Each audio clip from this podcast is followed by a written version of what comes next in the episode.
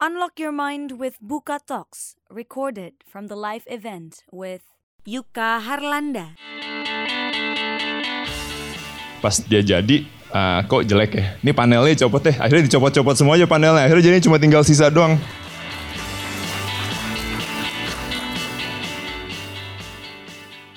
Let's join the talk. Endorse produk sendiri. Jadi em, sebelum terlalu jauh mungkin eh, banyak yang belum tahu Brodo ya. Jadi gue jelasin sedikit lah ini apa sih datang-datang stand up comedy tiba-tiba. Nah eh, semua berawal dari sini. Nah ini kampus gue ITB. Ini nggak tahu siapa gue ambil di Google tadi. Jadi dia famous. Eh, jadi gue uh, dua bocah dari ITB uh, masuk tahun 2007, lulus 2011. Gue sama temen gue sama-sama dari Fakultas Teknik Sipil dan Lingkungan. Jadi gak ada hubungannya sama industri kreatif, sepatu maupun bisnis. Uh, kenapa bisa begitu? Uh, kita dengar ceritanya. Tapi sebelumnya kan ITB ini terkenal sama penghasil tokoh-tokoh ya. Seperti ini, Pak Presiden kita tahun 30. Terus tahun 50-an, tahun 60-an, wah Pak Ciputra, lulusan ITB juga. Terus tiba-tiba tahun 2004, sah, ada anak buka apa nggak? CEO kalian nih sama CFO nih. Terus tahun 2007, ya, nih gue sama co-founder gue. Jauh banget ya. Tapi nggak apa-apa. Terus tiba-tiba langsung, sah, masuk TV. Cuma itu aja sih sebenarnya pengen pengen masukin aja sih. Yang serius ya. Nah, semua berawal dari eh, kaki gua. Eh, kaki gua gede. Ini size 46. Kalau mau lihat, ntar gue buka terus di lihat. Kaki gua size 46 dari 46 itu sejak eh, SMP kelas 3. Jadi kalau gua mau beli brand sepatu tuh pasti harus luar negeri dan mahal dan jelek. Sampai pada waktu tiba-tiba uh, di teknik sipil itu ada struktur beton namanya kebetulan dosennya tuh kalau kita mau apa ya presentasi dari labnya itu harus tampil rapih. Seumur hidup gue selalu pakai sepatu merek uh, luar negeri, sepatu casual. Jadi nggak pernah pakai sepatu pantofel. Dan pada saat butuh sepatu pantofel, pulang ke Jakarta masuk ke mall harganya 2 juta. Dan sebagai mahasiswa zaman itu kan ya kepepet ya kita mendingan 2 juta itu kan dipakai buat beli buku gitu kan atau pacaran atau daripada beli sepatu. Akhirnya itu gue punya masalah dan uh, co-founder gue punya masalah. Dia dari awal masuk ITB udah nggak suka. Jadi dia gue mau jadi bisnismen bro. Hah? Lo ngapain masuk sini? Ya, keren aja. Mau bisnis apa? Nggak tahu juga. Sampai akhirnya di suatu ketika kita ngobrol, gue dengan masalah dia, dia dengan masalah, gue dengan masalah gue, dia dengan masalah dia. Akhirnya uh, kenapa nggak bikin bisnis sepatu aja? Terus uh, kalau Mbak Naya tadi nge-search, kalau gue langsung berangkat ke Cibaduyut. Langsung, wah ada industri sepatu di sini. Dimasukin lah satu-satu vendornya. Ya, dan ditolak-tolakin. Ini siapa tiba-tiba minta bikin sepatu. Uh, sampai pada suatu kita, kita kita mikir, soalnya gue mau bikin sepatu satu doang buat gue sendiri. Ternyata mereka minta kalau bikin sepatu tuh harus langsung banyak. Oh gitu ternyata. Ya udah bikin deh empat lusin biar murah. Akhirnya jadilah uh, sepatu pertama kita. Belum ada merek. Jadi uh, gue pakai buat diri gue. Uh, labnya sukses. Terus sisanya dijual. Kebetulan di sipil tuh agak-agak senioritas ya. Jadi bisa dipaksa ke adik kelas. Eh lo kan ntar mau ini beli ya. Siap bang. Nah, gitu. Jadi terus ke teman-teman, temannya teman, keluarga segala macam. Jadi wah ternyata seru ya jualan sepatu. Akhirnya dilanjutin, dilanjutin, dilanjutin dan uh, sampailah sekarang.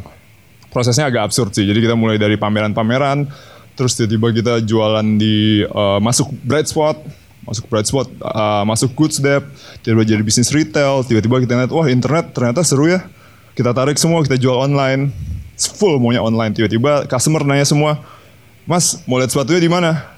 Ah, nggak bisa, tapi boleh deh datang ke kos-kosan gue di Tubagus Ismail, Bandung. Eh beneran datang. Sampai akhirnya uh, warga marah, nih kos-kosan daerah perumahan jadi rame. Akhirnya sekarang bisnis kita uh, gabungan antar online dan offline. Ada tokonya dan uh, tetap ditopang dari online. Ini adalah uh, salah satu produsen uh, sepatu di Indonesia untuk uh, nggak boleh sebut merek tapi depannya N, belakangnya Aiki. Ini ada ratusan ribu pekerjanya dan ternyata di daerah Tangerang. Terus wow, oke, okay, selama ini gue ditipu. Ternyata bikinnya di Indonesia, sama kasusnya dengan kosmetik. Jadi, wah ini gue nggak terima nih kalau gini ceritanya.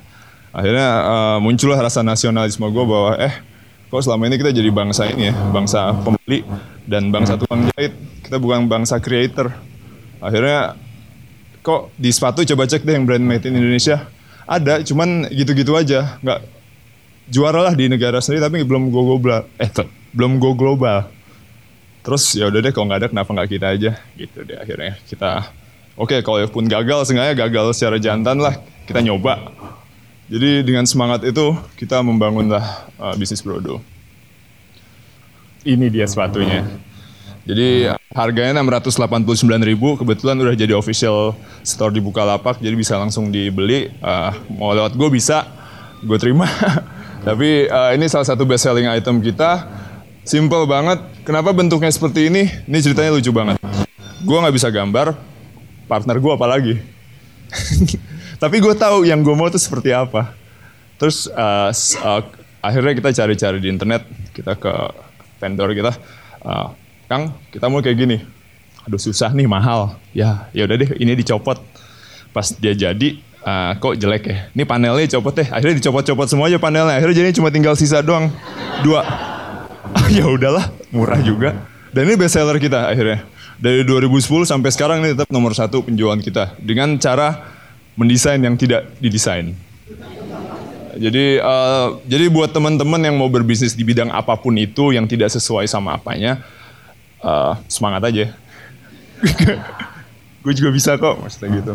Tapi sekarang kita bahas branding. Uh, sama halnya dengan uh, sebagaimana banyak bisnis, terutama bisnis produk yang produk fisik ya.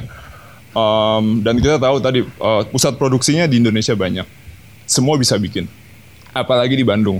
Dengan 7 juta aja modal kita, gue tiga setengah juta, dia tiga setengah partner gue tiga setengah juta, uh, bisa dapat bisa bikin brand sepatu gitu. Jadi modalnya sekarang bahkan dengan start 5 juta, bahkan 3 juta tuh udah bisa bikin brand clothing, brand sepatu, brand tas, brand apa pun itu di Bandung. Semudah itu menciptakan brand. Jadi ibaratnya uh, Brodo ini ada di ranah komoditas sebenarnya bisnisnya. Dan tadi yang sepatu itu, yang KW1, KW2, KW Supernya juga banyak. Uh, terus apa sih yang bisa ngebedain kita sebenarnya ini? Yang ngebedain pas orang make sepatu kita, walaupun sebenarnya mungkin kualitasnya nggak terlalu jauh, tapi rasa yang dirasakan pada saat make itu loh. Didapatkan dari branding. Jadi kalau kita kan brandingnya emang khusus buat cowok, khusus tentang gentleman, khusus tentang made in Indonesia. Pokoknya lo, kalau lo pakai itu lo legit banget dan lo 10% lebih jantan hari itu. Maunya begitu dan itu message kita sampaikan secara konsisten 7 tahun, nggak berubah nggak bikin sepatu cewek, nggak bikin sepatu cowok tomboy, nggak pokoknya konsisten itu terus kulit dan manly. Uh, apakah kita sudah sampai uh, ke tahap yang kita bilang keren brandnya? Belum, nggak akan pernah berakhir. Oleh karena itu kita butuh bantuan dari Mas BP.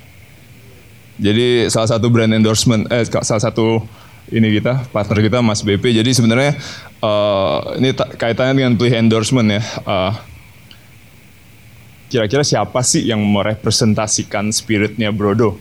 Tadi kan kita ngomong made in Indonesia, gentleman dan uh, lain-lain. Dan kita ngerasa wah ini Bambang Pamungkas nih Indonesia banget, legend, keren banget dan nggak ada customer Brodo yang nggak tahu, termasuk gua. Dari zaman SD ngeliat dia, ah BP. Terus akhirnya ketemu dia beneran, sekali minta tanda tangan jadi memanfaatkan bisnis untuk mendapatkan tanda tangan. Dan ternyata dia sekalian, oh bikinin merchandise buat gue dong. Oh ya udah deh. Akhirnya kita bikin dan uh, jadilah brand endorsement kita BP dan jadi sedikit lebih beda dibandingkan kompetitor kita. Terus ada Dede Dede Timnas U22. Soalnya gue umurnya 29 jadi ini gue panggil Dede. Ini adalah kemarin yang pada main di Asian Games. Ini ada Evan Dimas, dan teman-temannya dan mereka juga kita support kita endorse ceritanya gimana uh, panjang sih tapi intinya awalnya cuma aduh keren juga sih sebenarnya kalau dipakai timnas kok mereka tim timnas Indonesia pakai si brand NIK itu sih harusnya pakai brand Indonesia juga dong dari bermimpi itu beberapa bulan kemudian dikontak sama PSSI sepatunya. Jadi uh, sepatu untuk dia di luar lapangan. Terus ada juga hat hat. Nah ini sama Panji stand up komedian inspirasi inspirator gue untuk berstand up komedi juga.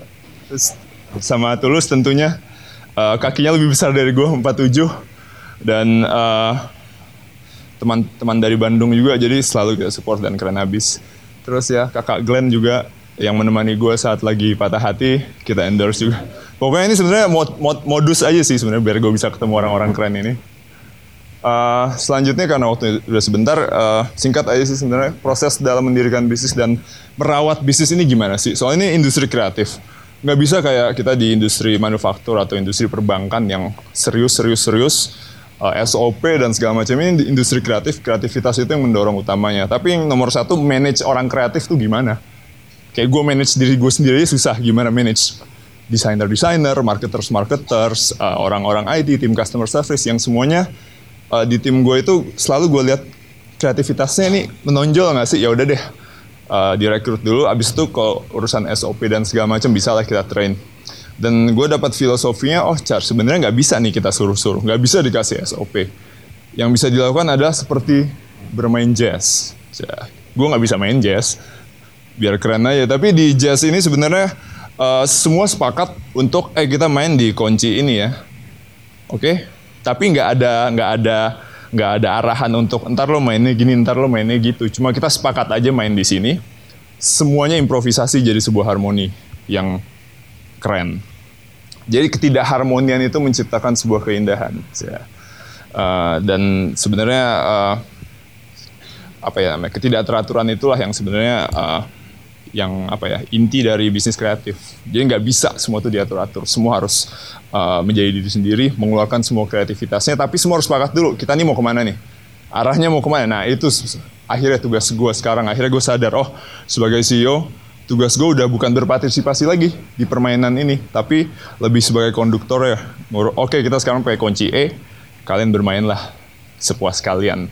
Visinya tetap ciptakan uh, produk terbaik, uh, bikin customer kita puas dan selalu sadar bahwa kita ini bahwa kita ini membawa nama bangsa, nama baik bangsa. Jadi uh, yuk kita sama-sama majukan persatuan Indonesia.